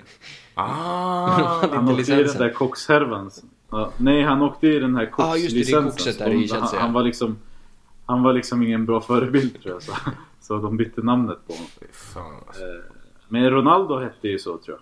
Också på något så här 98 eller 99. alltså jag vet att på PES, då hade de ju aldrig namn. Ja. Då hette de ju Ja. alltid olika Då- grejer.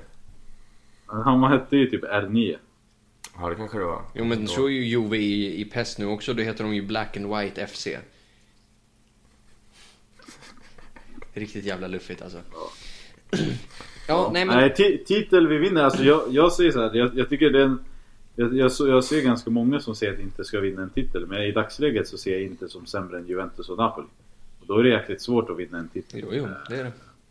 för, för mig. Jag, jag, jag, jag är helt ärlig och säger att jag ser, jag har inga stora förhoppningar på att det ska komma en titel. Men om du tar in en tränare som du betalar 11 miljoner euro netto om året så är förväntningarna det och det är helt rätt att det är så. Det är liksom, Du tycker att det är rätt med förväntningar att ta en, en titel? Snackar vi liga då eller?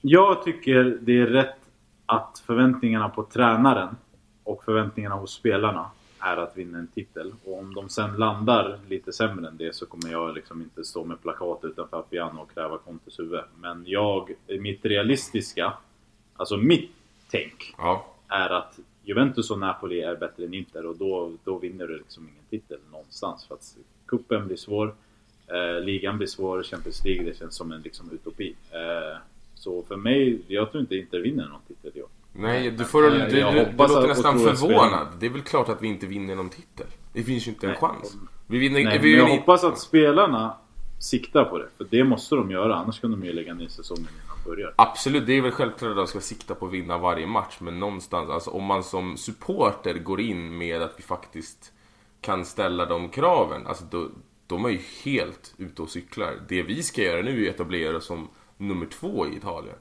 Det är väl det rimliga steget efter att ha tagit Champions League två raka säsonger. Nu ska vi försöka faktiskt bli Italiens näst bästa lag. Ja, med- blir ju knappast sämre. Alltså, Det, det jag de förväntar har- mig, mig mest av den här säsongen är att jag inte ska behöva en pacemaker under sista matchen. Ja, det, det är faktiskt, det, det känns som ett bra mål. Och ta oss vidare från Champions League. Och så, Det och liksom- så skulle det ha varit redan förra, förra året. Så skulle det absolut. Det, jag tror också det är därför som en stor anledning till att Spalletti fick gå. Jag vet inte mer men jag, jag har liksom, alltså oftast efter en intersäsong då kollar jag liksom på EM, VM, Copa America, U21 och allt vad det har varit. Jag, fan, jag har inte sett Allsvenskan också. Jag har inte sett en fotbollsmatch sen Inter Empoli. Jag, jag hatade fotboll i en halvtimme där och jag har liksom inte släppt det. Ja, Jag har ju hatat fotboll sedan typ 2013. Så att det är liksom... Ja men alltså in, in. Inter, Inter Empoli var verkligen steget för långt alltså. För Ja. mig i alla fall. Ja, jo, Ja, jag det, vet. var inte, det, var inte, det var inte roligt. Ja, men jag menar en sån som Barella hade jag haft järnkoll på för några år sedan. Nu är det så här, äh, vad, vad spelar killen för positionen? Det är typ på den nivån. För jag, Ja, men det är också ett naturligt steg av att vi blir äldre. Absolut, det är det. Men Alltså, samtidigt jag, jag inte... kollade ju liksom på Atalanta, Fiorentina och Chievo Geno och allt det där. Ja, ja, det är klart. Man har ett annat liv. Absolut, men samtidigt är det så här. Jag kan, jag kan knappt kolla någon fotboll nu. Jag kollade den här Champions League-våren som måste ha varit den bästa i historien. I alla fall sen vi har börjat titta på fotboll. Jag kollade inte en match typ. Alltså knappt, Ja, jag- en kvart. Jag kan- såg, Ja, men jag var så här, ja, det var det enda jag kollade på. Det är så? Nej, jag klarar, jag klarar inte av det. För Inter förstör mig. Det går inte. Det är liksom, jag kollade en del fotboll nu i början av säsongen när det ändå, ni vet när vi tog Tottenham och man var okej, nu jävlar, nu är vi på gång. Nu kanske det kan bli en trevlig säsong. Nej. Slut. Det, det räcker med Inter, det räcker gott och väl för de hatar skitsporter. Yes. Eh, positiva vibbar nu. Eh, jävligt, jävligt eh, inspirerat här. Eh, vi, vi hoppar lite mellan frågorna här och eh, då kommer vi in lite på lagbygget här. Ga, Gabriel frågar. Räcker det med de här yttrarna som vi har i truppen eller vi behöver vi förstärka? Och där tänker jag att här kommer vi ju till det här momentet i podden där det blir tjafs. För jag har läst att Sia vill ha kvar Perisic och han tror på Perisic i en ny roll. Medan jag och Sendrak hatar honom mer än våra ex. Så Sia, vad fan vill du? Ja, Jag, jag, jag ser Perisic som den perfekta Conte-spelaren. Oavsett om det är som wingback över hela kanten eller om det är som en uh, ytter i en 3-4-3. Jag tror, eh, och jag tror även att han kan vara jäkligt spännande i en anfallsposition. 3-4-3? Är det ens att har han, har han spelat det Conte? Eller är jag som är helt... Ja, i Chelsea spelar han ganska ofta så. Kanske han gjorde alltså? Ja. Hazard var ju inte renodlad anfallare. Han var ju ytteranfallare. ja men det har han ju alltid var varit. därför. Jo men alltså inte, inte 4-2-3 ytter utan liksom Ja okej. yt, alltså ytter Fan ytter. nu försvann ni här alltså lite. Eh, Förlåt. Så jag, jag tror ju... babbla. Jag tror ju att, vad heter det? Alltså vi, vi pratar mycket liksom 3-4-3, 3-5-2 och sånt där. Jag tror Conte spelar väldigt mycket 3-3-4. Om ni förstår vad jag menar. Där yttrarna Ja. kommer upp och blir liksom stående anfallare för att det ska finnas alternativ. Eh, Och jag ser liksom. Perisic Ja, exakt. Jag ser eh, Perisic som en perfekt Antonio Conte-spelare. Men alltså just Jag med- ser också Perisic som en spelare som inte är dum. För han vet att det är EM i år och han vet att det kanske är sista chansen som han kan vinna något med Kroatien. Så han kommer vilja ha en bra jävla säsong i år. Eh, han kommer inte vilja flytta, han kommer inte vilja fokusera på annat. Han kommer fokusera på att göra det bästa för Conte och komma till EM så bra som möjligt. Jag, där är också en sån grej som, precis som med Nainggolan, men Perisic har inte betett sig, betett sig på samma sätt så det är helt annorlunda. Perisic för mig är en spelare som om du inte får liksom 50 millar för honom som måste vara kvar för att spela under Conte. Han har alldeles för mycket att ge för att eh, säljas. Han har visat alldeles för mycket i Kroatien i båda de här positionerna. Och han har haft en alldeles för dålig säsong förra säsongen för att inte vara revanschsugen. Jag tror väldigt mycket och liksom på att han bara behöver ordentlig och tydlig auktoritet. Jag tror också han är en av de som har lidit mest på grund av hela Icardi-sagan. För att han har någonstans blivit den naturliga motpolen. Och eh, jag är helt säker, där har vi en till grej som jag är helt säker på att Perisic kommer ha en bra säsong under Conte. Ja, Det är väl ingen som, jag kan inte tala för dig Hampus, men det är väl ingen som tvivlar på hans fotbollsmässiga kunskaper. Alltså där är vi ju väl överens om att han har en jäkla högsta nivå. Men Bevisligen. problemet har väl, ja men problemet har väl varit att han har verkat stått på ena sidan och Icardi på den andra och att det är det förgiftade omklädningsrummet som man egentligen är trött på. Sen så självklart, han är... Det jag blir lite orolig över just när det gäller honom, alltså sett till position och det som skrämmer mig ganska mycket med om vi ska spela 3-5-2 för att jag hade faktiskt inte koll på att han hade spelat 3-4-3. Så eh, nu får jag tänka lite om här men alltså en Asamoah kommer ju spela endast wingback. Antar jag. Asamoah kom, blev ju, kom ju till Inter med i princip ett löfte om att starta. Ska då Perisic ta den positionen? Alltså, då kommer vi ha två spel som förväntar sig speltid i princip varje match. Du har en högerkant där du har en Jag urusel är jäv- lite sugen få se Asamoah i mittfältsroll. Men jag tror inte, alltså det var länge sedan han lirade in i mittfält nu alltså. Han gjorde väl några Han, strömatcher han, här. han har ju inte gjort det här för att Dalbert är så jävla dålig. Men om liksom Perisic är wingback och har Skriniar bakom sig. Och Asamoah kan få en plats på mittfältet. Alltså om det skulle fortsätta vara svårigheter med att signa spelare. Det kanske Så funkar. ser jag i alla fall Mm. så att, som att det finns, eh, det finns en chans. Men jag, jag tycker det, det där för mig är ett frågetecken. För, för mig, det är därför jag tror på den här 3-3-4 eller 3-4-3 grejen. För att jag ser Asamoah som det naturliga valet till vänster. Och jag ser Perisic som ett sorts special och lyxval som man kan ha för att han har mer offensiva kvaliteter, han gör fler mål. Och därför tror jag att Perisic i så fall Antingen så kommer han ha en jäkligt lång roll där han liksom förväntas täcka hela kanten. Eller så kommer han ha en roll där, han, där Samoa har kanten och han liksom utgår från kanten men kommer in i mitten. Alltså du vet, alltså Samuel liksom typ. strövar fritt lite liksom över planen. För jag, alltså Perisic, Perisic är en grym atlet. Alltså, han, han är liksom, han är nästan, en, han är 1,85. Det är liksom 80 kilo muskler. Han har bra spänst, han är bra på huvudet. Han har bra skott. Han är duktig på att dribbla. Han har jäkligt många kvaliteter. Och jag har liksom varit besviken på honom, inte för att han har varit pissdålig hela tiden, men för att han inte gör mer. För jag ser, med de kvaliteterna som han har, så tycker jag att han ska garantera minst 10 mål och minst 10 assist varje säsong. Alltså han har ju Eh. kvaliteter att han ska kunna vara topp eh, om en sju yttrar i världen. Alltså han har ju allt verkligen. Och det har han inte visat på, Absolut. förutom när han spelar med Kro- Kroatien. Och jag ser honom... Men det är under en kort period också säger jag, ska man komma ihåg att när han spelar Jo, i Kroatien exakt. och att det Exakt. har varit ett tydligt mönster i hela hans intersektioner. Alltså att han är otrolig i två, tre månader. Sen har han alltid minst en superdipp varje säsong. Den här säsongen var mycket längre än tidigare. Men han har ändå... Men det är ju... Det är självklart, Ja, man kanske det- inte kan förvänta sig, alltså man kanske blir lite blind av vissa andra spelare.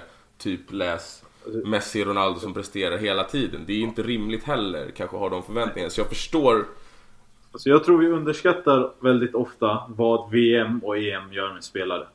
Jo men det här är också ofta, det är det- det- många spelare som är iväg på de här mästerskapen. Och, att, Ja, ja, och Inter alltså, har inte haft... Rakitic, Rakitic till exempel. Alltså Bro- Brozovic kom ju undan, men alltså i Kroatien och Frankrike. I Champions League-finalen var det, det var Lovren. Ja. Sen var det ingen från Kroatien och Frankrike som spelade Champions League-final. Eh, det är ingen VM-final. för mig är VM-final liksom. Eh, nej, Champions League-finalen. Han Så menar var alltså, det ingen... Aha. Alltså, De spelarna som alltså, det är året att det tog innan. sin rätt. Okej. Eh, om, man, om man liksom kollar på, på Frankrike och, och Kroatien överlag. Modric, sämre säsong. alltså Ma- Mandzukic, sämre säsong. Jo men säga, Ma- Modric som ett exempel här har tre raka Champions League-titlar. Har gjort sina bästa säsonger i karriär. Självklart kommer det komma Ja, ja, en dipp. Att, Absolut, Och- men alltså det är alldeles för många tror jag för att det ska vara en slump. Sen så kan man ju säga att Brozovic hade en grym säsong. Ja. Men Perisic tror jag är den typiska spelaren som faktiskt kom ur VM trött, sliten och behövde jäkligt mycket tid för att faktiskt hitta sig själv. Och när han väl hittar sig själv så liksom hittar inte han laget. Nej. Alltså jag ser inte Jag emot tror det. vi måste ge honom en sån här säsong nu. Mm. Där det inte är mästerskap, där det är en ny tränare, där han har en tydlig roll. För att säga så här. Ja, det är, det är bra. Eller ja, det är skit. För är han dålig i år, då, kan man ju, då, är- då är det väldigt enkelt att säga nej, det, det är inte tillräckligt bra alltså. Men är han bra i år, då tycker jag han för mig visar det han, det han kan. Yes. Ja. Eh, vi, vi måste cracka på lite med frågor här och jag kommer ställa en fråga här eh, som jag tycker potentiellt är en av de bättre frågorna vi någonsin har fått här. Eh, Oj. Så, men vi ska inte besvara den nu. Är det Amir? Eh, jajamensan, och vi kommer, vi kommer inte besvara den nu utan vi kommer ta den på slutet men vi kan ju behöva lite betänketid. Och frågan är då, om ni hade fått vara en spelare i Serie A, vem hade ni varit? Så det kan ni fundera på lite grann medan vi pratar om det här har också Amir frågat och eh, Lars är inne på samma spår. Det flera Är det just nu eller får man gå tillbaka i tiden? Jag, jag säger, vi begränsar det till just nu tycker jag. Fan tråkigt. Så det blir lite Annars är det ju Asprilla. Exakt, och då, Eller då, har du, då har du liksom helt, eh, helt klippt av en, eh, en, liksom, en hel generation liksom, som, är som undrar vad det är för sjukdom. Eh, Så som jag själv till exempel. Gå in och lyssna på, där kan du få ett poddtips Hampus. Du vet Totally Football Italian Show. Ja, Golazzo. Guardian-grej. Ja, Golazzo. De har ju ett avsnitt med Asprilla. Alltså, det är, det är en colombian. Alltså, de historierna om honom. Gå in och lyssna. Det är underhållning på hög Jajamensan. nivå. Eh, Men medans, eh, medans Senderak hypar andra poddar här så går vi in på frågorna om, eh, nu har vi pratat lite om yttrarna där, då går vi in på mittfältet.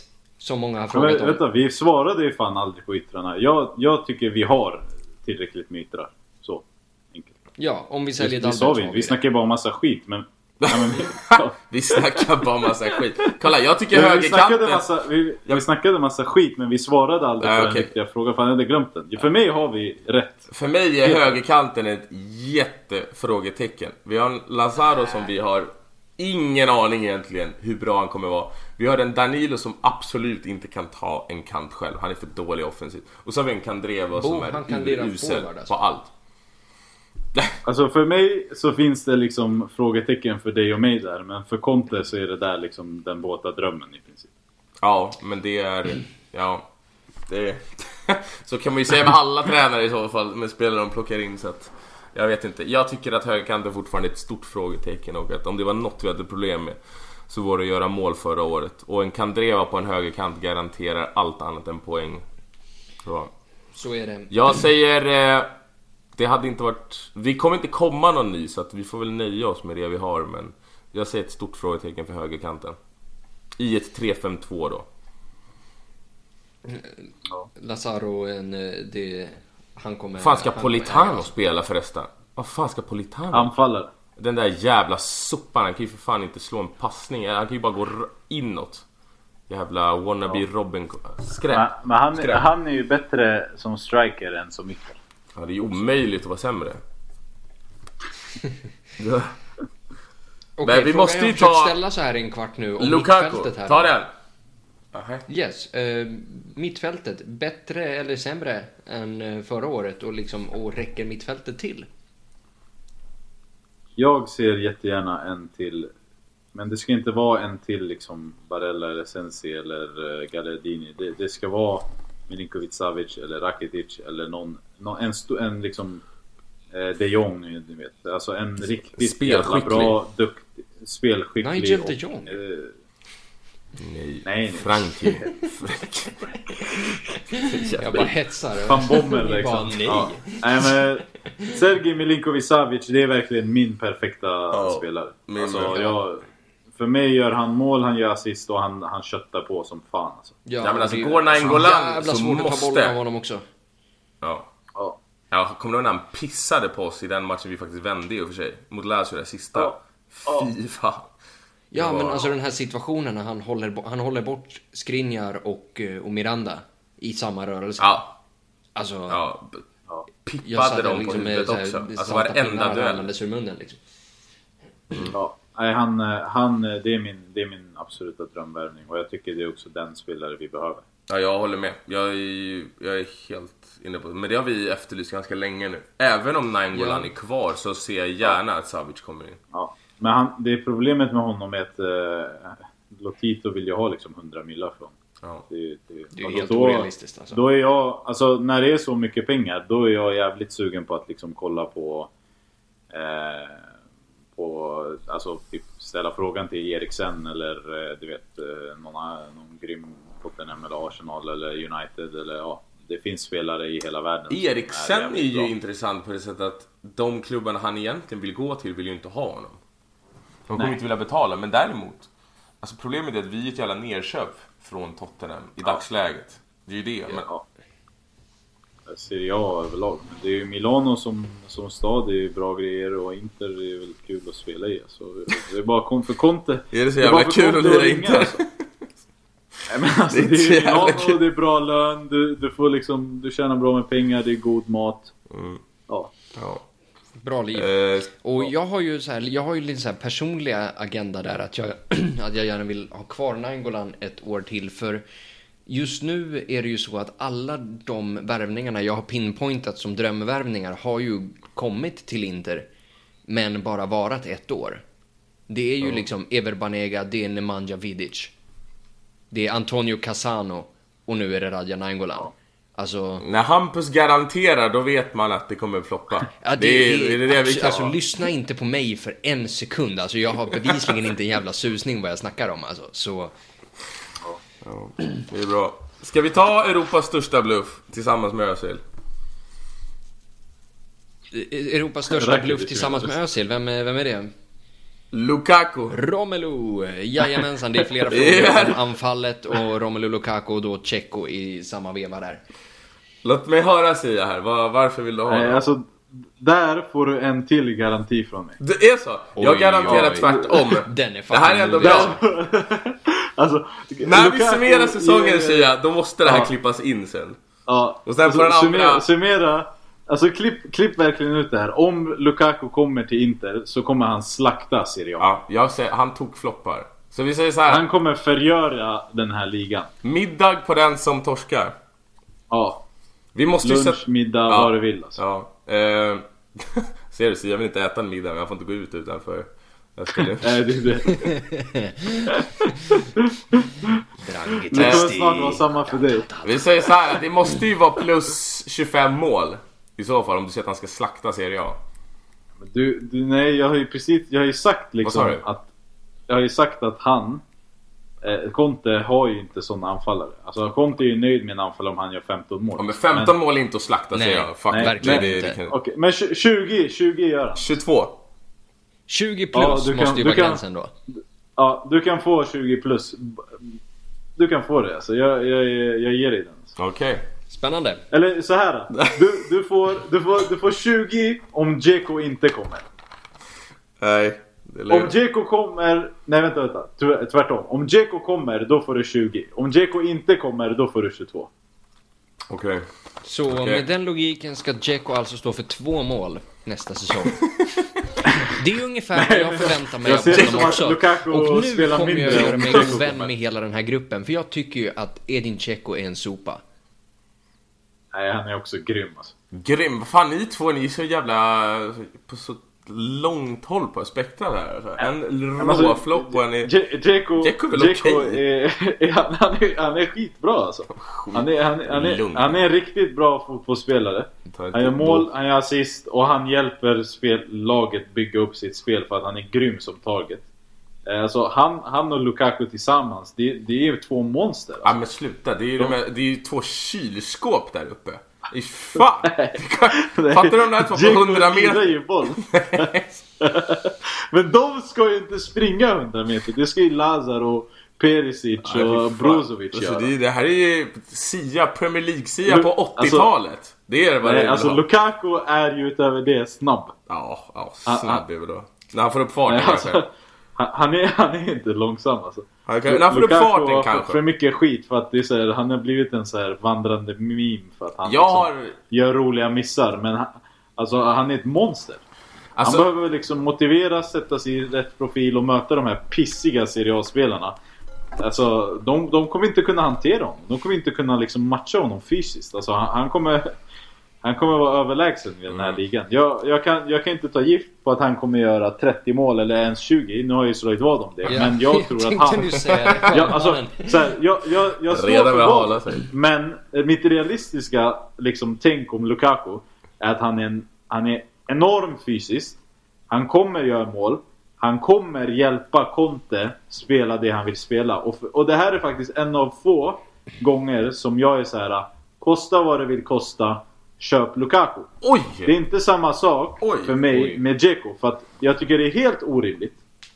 Det är helt orimligt att Roma vill ha 20 millar euro för en 33-årig spelare vars kontrakt går ut nästa år. Det är för mig, det är helt orimligt. Det finns liksom inte. De sålde El Shaarawy för 18. Han är 26. Han har tre års kontrakt kvar. Och han var deras toppscorer förra året. Men det Alltså för mig är det liksom rimligheten där är två helt olika. Men Lukaku, för det han skulle innebära för Contes spel. För signalen det också skickar till alla som vill ha Icardi att säga vi har vårt på det torra, han kan sitta ute, vi skiter i honom. Allt det där är värt så jävla mycket för mig och för Inter. Så jag är helt med på att spränga banken och ge United det de ska ha för honom. Jag är nästan övertygad alltså. Du pratar med sån passion säger jag. Och Ja, verkligen. Alltså, Jesus. Problemet är bara, som jag ser med Lukaku, det är alltså att som vi har pratat om när du möter de här uh, pisslagen på potatisåkrarna. Alltså du behöver spelare som kan luckra upp försvar, som kan kombinera han- sig fram. alltså- Men, äh, vänta, vänta, det låt är det som är grejen med honom. Vänta, det är det som är grejen med honom. Jag blir fan lack alltså. Han är ju liksom 95 kilo tung. Slå en långboll på honom och, och försök låta Pisakane flytta på honom. Alltså, det går inte- det går ju. Jag spelar Pisakane. Nej, jag vet inte fan alltså. Vet du, PM. Cacciatore och Padoin liksom. Ska de flytta på Lukaku när vi det börjar måtta? namn. Jag trodde du drev. Ja, alltså, men alltså, piss... när vi liksom... Italienare kan När Ja, vi ska men- liksom... Ja men när de, alltså du vet, jag ser, jag ser inte det hända. Alltså det, det är liksom... Att på, på den, på den avsluta nivån du är det ju, du tänkte är säga. med Sia till 100%. Alltså det är ju, mot, det är ju liksom mot Alltså mot så här Hellas Verona och såna här lag där jag faktiskt tror på Lukaku bara på liksom på rent kött och inget annat liksom. Men det är ju, ja det är ju inte jävla mycket fotboll i de fötterna. Alltså jag hoppas ju innerligt att du har rätt för jag och Sia pratade ju om det, om det här. Jag hoppas också att Sia har rätt. Det är, det är, ingen får tro något annat. Ja, det ja, är väl nej, klart nej, som men, fan jag vill men, att han givetvis. ska... Men vi, vi pratade ju om det här och liksom, och jag sa ju, ja men alltså, så här, jag, jag tycker inte, alltså han har ju, alltså han kan ju inte hålla en fjäder mot Icardi liksom. Eh, Men så säger ju Sia, ja men om han pangar 20 mål så är ju du som, så är det ju du som kommer älska honom mest. Och så är det ju, alltså det, liksom. Ja, ett, ja, par, ett absolut. par tidiga Alltså- mål i starten av säsongen och så är jag uppe och rider på den där liksom. Men om vi tänker lite långsiktigt. Den där jävla flaggstången. Alltså, once, eh, you go, once you go cow you never go back liksom. nej men alltså om vi Alltså, tänker för- lite långsiktigt. Vänta. bättre. alltså, Jag väntar, jag ska, jag ska vara tyst. Jag ska anteckna det jag ska säga så att jag inte glömmer. Gör det. Alltså, men jag tänker just Lukaku. Alltså, ska vi lägga 80 miljoner euro på en spelare? Det är ju inte heller bara mot de här pissgängen han ska leverera. Det här är en spelare som ska Det är det. skjuta oss till liga... Fast han ska skjuta oss till ligatitlar. Det, är det man precis, kan. och det är de där jag kraven. tvivlar på honom också. Exakt! Och liksom att... Ja, det- Fan, och jag tror, jag tror till och med mot pisslagen där de är... Sia säger att det är de sämsta spelarna vi någonsin har haft i Serie A. Fine, du har en poäng i det. Men jag tror fortfarande att... jä- Försvarsspelarna individuellt sett håller ju fortfarande högre nivå i skitlagen Nej. i Italien än vad de gör i England. Nej. Ja, det Nej. kanske de inte gör. Aldrig. Aldrig Kanske. i livet. Ja, ja. Aldrig i livet. De, de är så sjukt dåliga. Alltså, alltså det finns, det finns typ... In, Inter har tre försvarare av högsta världsklass. Christian. Sen har du Ja. Ja. Koulibaly. Alltså försvarsspelare. Koulibaly Mm. håller högsta klass. Chiellini håller absolut högsta klass. Han är nog den bästa av dem. Sen nu så kommer De Ligt så han kommer säkert vara, vara fantastiskt bra. Eh, Albiol är halvmedioker. Romagnoli är För att också grym. citera men du Public Enemy om det Ligt där, don't believe the hype alltså. Det... Nej, han, han är otroligt bra. Han har liksom ledarskap med allt. Men det finns liksom fem försvarare i Serie A. Så om du frågar liksom Barca eller United eller liksom eh, Real Madrid om de skulle kunna tänka sig att värva dem så skulle de kanske säga ja, kanske. Okej. Resten Ja. är antingen mediokra, alltså Romagnoli är bra. Men jag tror inte Barca Ja. kommer att vara hörru, ge oss honom. Jo men precis, det jag Alltså pratar... resten är är skit. Ja men det jag, det jag pratar om är de mediokra och soporna nere i bottenlagen som fortfarande individuellt de- sett är bättre försvarsspelare än Nej. de mediokra skräpen i Nej. bottenlagen i England. Det är jag Nej, nej. övertygad om. Jo, och framförallt Nej, tränarna... De, de, de, alltså, Framförallt tränarna i Italien, ja, framförallt tränarna i Italien är bättre skolade än vad soporna i England är, där nere. jo men Så att, Engelsmännen absolut, men alltså de tar ju in utländska tränare, Ja, utländska men det är inte spelare. så jävla alltså, många. de har ju råd att betala, alltså Southampton har ju liksom högre löner säkert än Inter ja men de kan ju inte Alltså, förvalta det- de där pengarna heller. För, alltså bara för, bara för liksom 7-8 år sedan så värvade Barca eh, direkt från Palermo. Alltså, eller inte Barca, de värvade direkt från Udinese till exempel. Ja, ja. Eh, PSG värvade direkt från Palermo. ja vi... Alltså du vet, det fanns den. Men idag så finns det inte en enda spelare på den lägre botten i Serie A som går till ett topplag ens i Serie A. Alltså Barella är en, Sensi! eh, Sensi två, men det är Conte. Alltså, Ja. men fråga Barca om de vet vilka de där är. De kommer bara va? Sia, jag hör dig, men jag fortfarande, nej. jag, jag, jag vidhåller. Lukaku och speciellt den spelstilen kommer inte funka i Italien. Det kommer... Alltså, Han ska- Icardi är största träbenet. Och han har gjort så mycket. Lukaku kan vara lika mycket träben. Men jag, alltså för mig är så här, Lukaku är större Icardi träfot en- än vad Icardi är. Ja, kanske. Jag vet inte. Och Alltså, Icardi är en bättre, yngre, liksom. Icardi är en bättre avslutare än vad Lukaku någonsin kommer att bli. Icardi är en bättre spelare och anfallare för mig. Men jag tror att Lukaku kommer vara bättre för Inter och för Conte än Icardi någonsin Ja, har varit. det- Och om du sätter in Dzeko på det också. Och kanske in, alltså du vet om du har de två samtidigt. Alltså det, de, du vet det kommer ju behövas sju spelare för att stångas mot dem. Alltså, så det är jag- som när Zlatan och Adriano Så spelar jag säger så här. de- Jag tar extra stark på min kebab som du ska bjuda på. Så kan jag säga. Han säger jag bjuder på middag och du tar en kebab. Alltså hur getto är du? Såklart! Ja, men det, Ja. En, det är en fin kebab. Det är En liksom, fin- det, det är, vad heter det, mytorna sticker. Jag alltså. vill Liksom, inte ha någon jag jävla jag hade ju äcklig Vasastans liksom kebab. misto grigliato och ett handjobb för det där. Alltså det... nej! Du, du kan få, Du kan få du kan få ostron om du vill alltså, men det, det kommer inte bli så Sendrak. Du, Jag vill inte ha några äckliga du kommer, Jag vill ha min... Din kebab kommer gå åt helvete och jag kommer få en riktigt dyr och smutsig middag.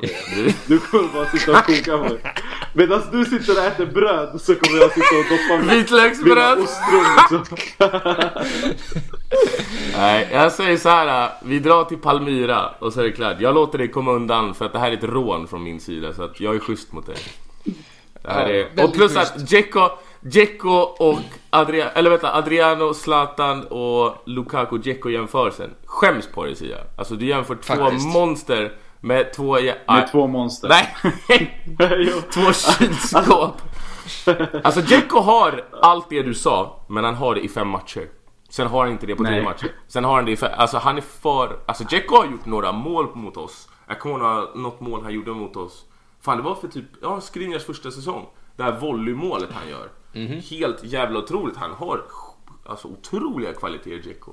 Men han är inte tillräckligt jämn i sitt spel. Och förra säsongen i Roma var en katastrof. Så att... Ja. Alltså, förlåt, men innan vi går vidare.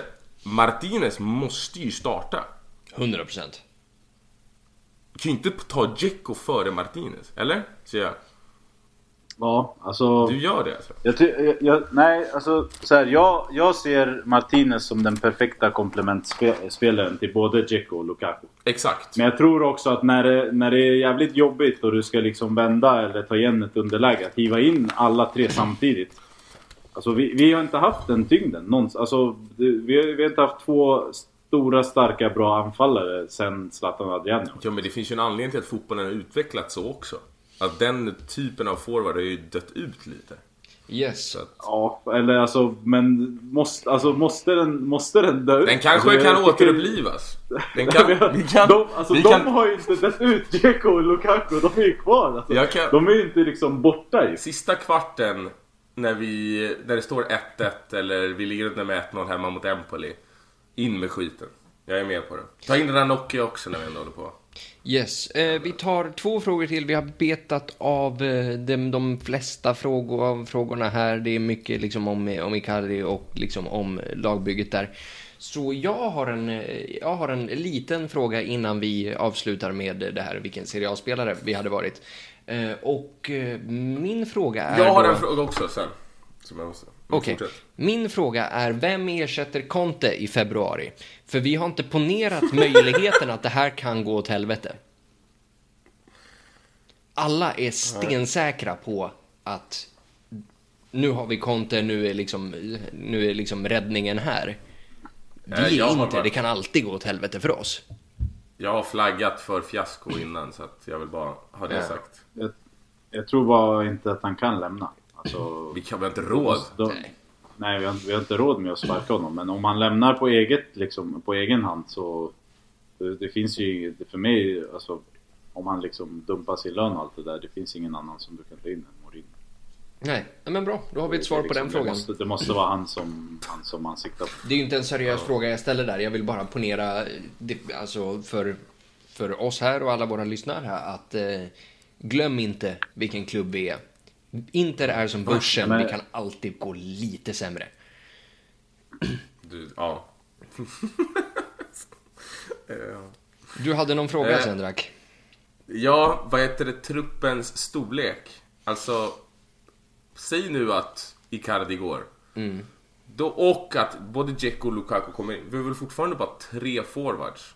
Som Vi ska har ju Puskas tillbaka nu också från, eh, Men från fan, Palermo. Va, Men, Är han bra, eller? Politano ska ju lira liksom fjärde Han fiol. sken Liksom. ju u EM. Ja mannen, jag skiner i u igen, herregud. Kanske Ja, för att nej du är men 42. Puskas ju inte... Fucking as. Ja, nej men Uh, alltså nej, som fjärde val fine. ska ju Puskas kunna fungera. jag märker ju att jag Nej, han kommer inte vara där. Alltså Pu- Puskas kommer inte vara fjärde val i Inter. Det är alltså, Politano då? det, det, För mig, ja exakt. För mig är det skam fan. Alltså, och jag, oftast så brukar jag inte säga att saker och ting är skam när det kommer till Inter. Men det är skam att Conte åker till Kina med de här spelarna. För han måste för sitt spel få ha sina ordinarie anfallare med sig. Mm. Nu kommer Martinez tillbaka efter Copa America och allt sånt där, men han måste få ha Lukaku i den här veckan. Alltså han, han måste få honom. Det, det, liksom, det, det finns inget annat. Sen om de liksom väntar med Dzeko till sista dagen. Så Dzeko behöver liksom inte samma... Han behöver liksom inte komma in i det på samma sätt. Han är liksom en, en Serie A-spelare, han är erfaren och allt sånt där. Men Lukaku ska liksom ändra. Han måste komma nu, den här veckan. Det, det är liksom, vi kan inte ha det så att en, en tränare som bygger så mycket av sitt spel på att anfallarna liksom kortpassar och hoppar över bollen och skit. Att han inte får ha tränarna med. Alltså han, han åker liksom med tre jävla Primavera-spelare. Det är fan inte okej alltså. Vi har inte råd med Lukaku om inte Icardi går.